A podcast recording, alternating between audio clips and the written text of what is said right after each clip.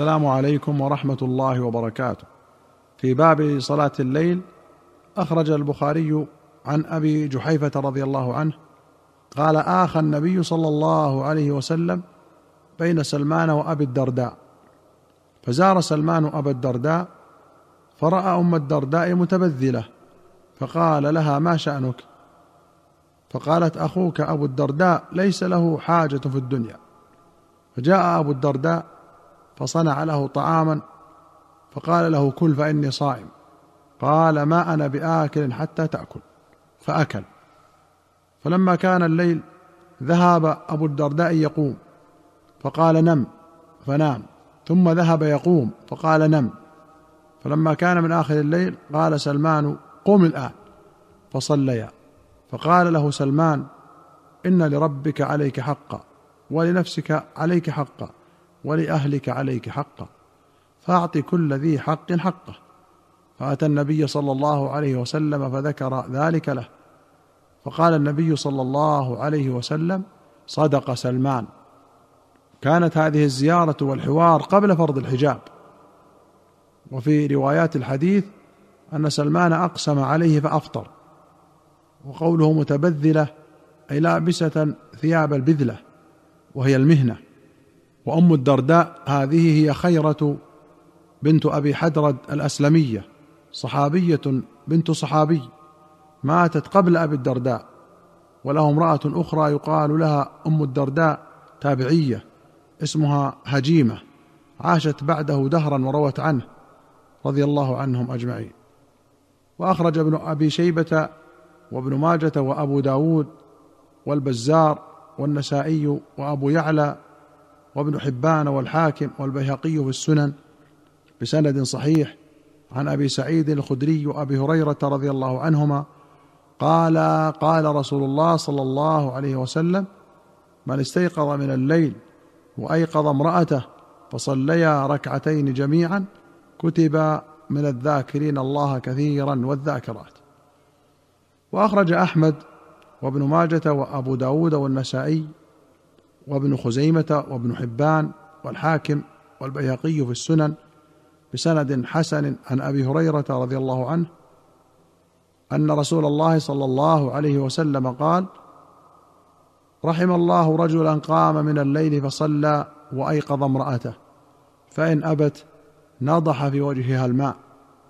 رحم الله امرأة قامت من الليل فصلت وأيقظت زوجها فإن ابى نضحت في وجهه الماء. المراد بنضح الماء التلطف بينهما والتعاون لطاعة الله مهما أمكن. وفيه بيان حسن المعاشرة وكمال الملاطفة. وأخرج الشيخان عن عبد الله بن عمرو رضي الله عنهما قال قال لي رسول الله صلى الله عليه وسلم يا عبد الله لا تكن مثل فلان كان يقوم من الليل فترك قيام الليل. وأخرج مسلم عن أبي هريرة أن النبي صلى الله عليه وسلم قال لا تختصوا ليلة الجمعة بقيام من بين الليالي ولا تخصوا يوم الجمعة بصيام من بين الأيام إلا أن يكون في صوم يصومه أحدكم. وسيأتي الحديث إن شاء الله في باب صيام التطوع وما نهي عن صومه.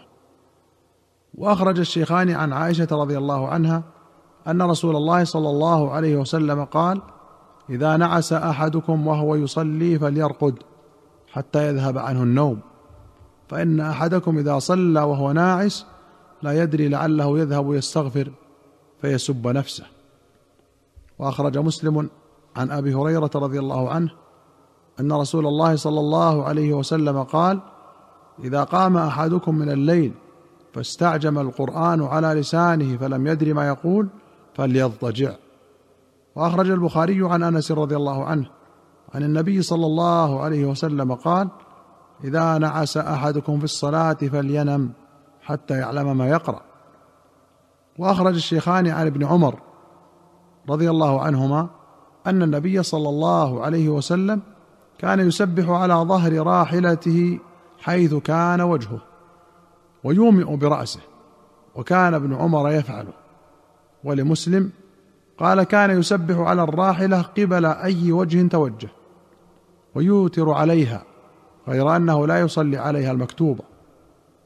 وفي رواية كان رسول الله صلى الله عليه وسلم يصلي في السفر على راحلته حيث توجهت به يومئ إيماء صلاة الليل إلا الفرائض ويوتر على راحلته. وفي أخرى كان رسول الله صلى الله عليه وسلم يوتر على البعير. ولمسلم قال رأيت النبي صلى الله عليه وسلم يصلي على حمار وهو متوجه إلى خيبر.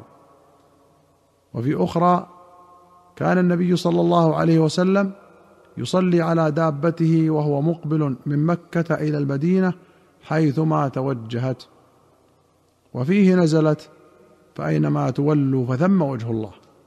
وأخرج البخاري عن عبد الله بن ثعلبة وكان رسول الله صلى الله عليه وسلم قد مسح عينه أنه رأى سعد بن أبي وقاص يوتر بركعة. وأخرج البخاري عن ابن أبي مليكة قيل لابن عباس هل لك في أمير المؤمنين معاوية؟ ما أوتر إلا بواحدة. قال أصاب إنه فقيه. وفي رواية أوتر معاوية بعد العشاء بركعة واحدة. وعنده مولى لابن عباس. فأتى ابن عباس فقال دعه فإنه قد صحب النبي صلى الله عليه وسلم. قال ابن حجر صح عن جماعة من الصحابة أنهم أوتروا بواحدة من غير تقدم نفل قبلها. وأخرج البخاري ومسلم عن عائشة رضي الله عنها قالت كان النبي صلى الله عليه وسلم يصلي صلاته من الليل كلها وأنا معترضة بينه وبين القبلة كاعتراض الجنازة. فإذا أراد أن يوتر ايقظني فأوترت. ولمسلم قالت كان رسول الله صلى الله عليه وسلم يصلي من الليل فإذا أوتر قال قومي فأوتري يا عائشة. وقد سبق أول الرواية الأولى في باب سترة المصلي.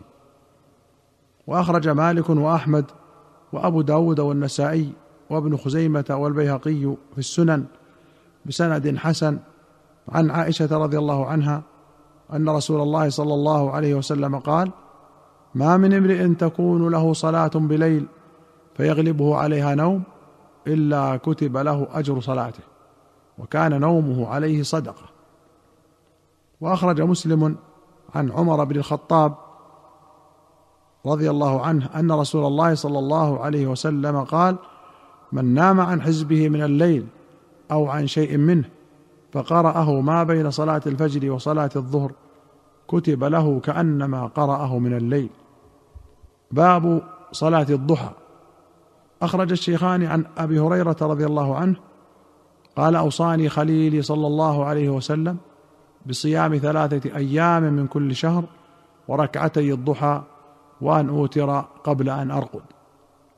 وأخرج مسلم عن أبي ذر رضي الله عنه أن النبي صلى الله عليه وسلم قال يصبح على كل سلامة من أحدكم صدقة فكل تسبيحة صدقة وكل تحميدة صدقة وكل تهليلة صدقة وكل تكبيرة صدقة وأمر بالمعروف صدقة ونهي عن المنكر صدقة.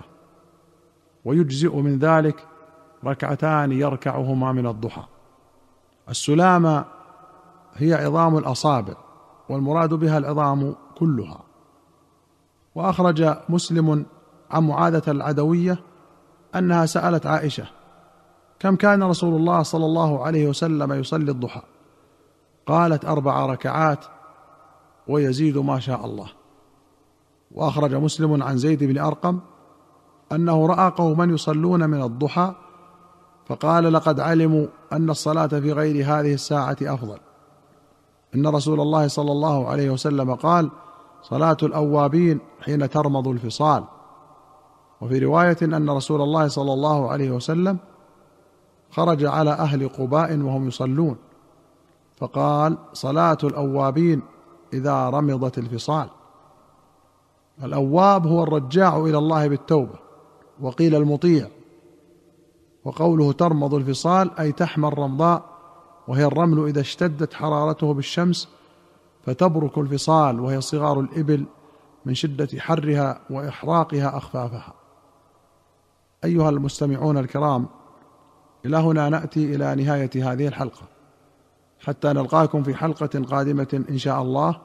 نستودعكم الله والسلام عليكم ورحمة الله وبركاته.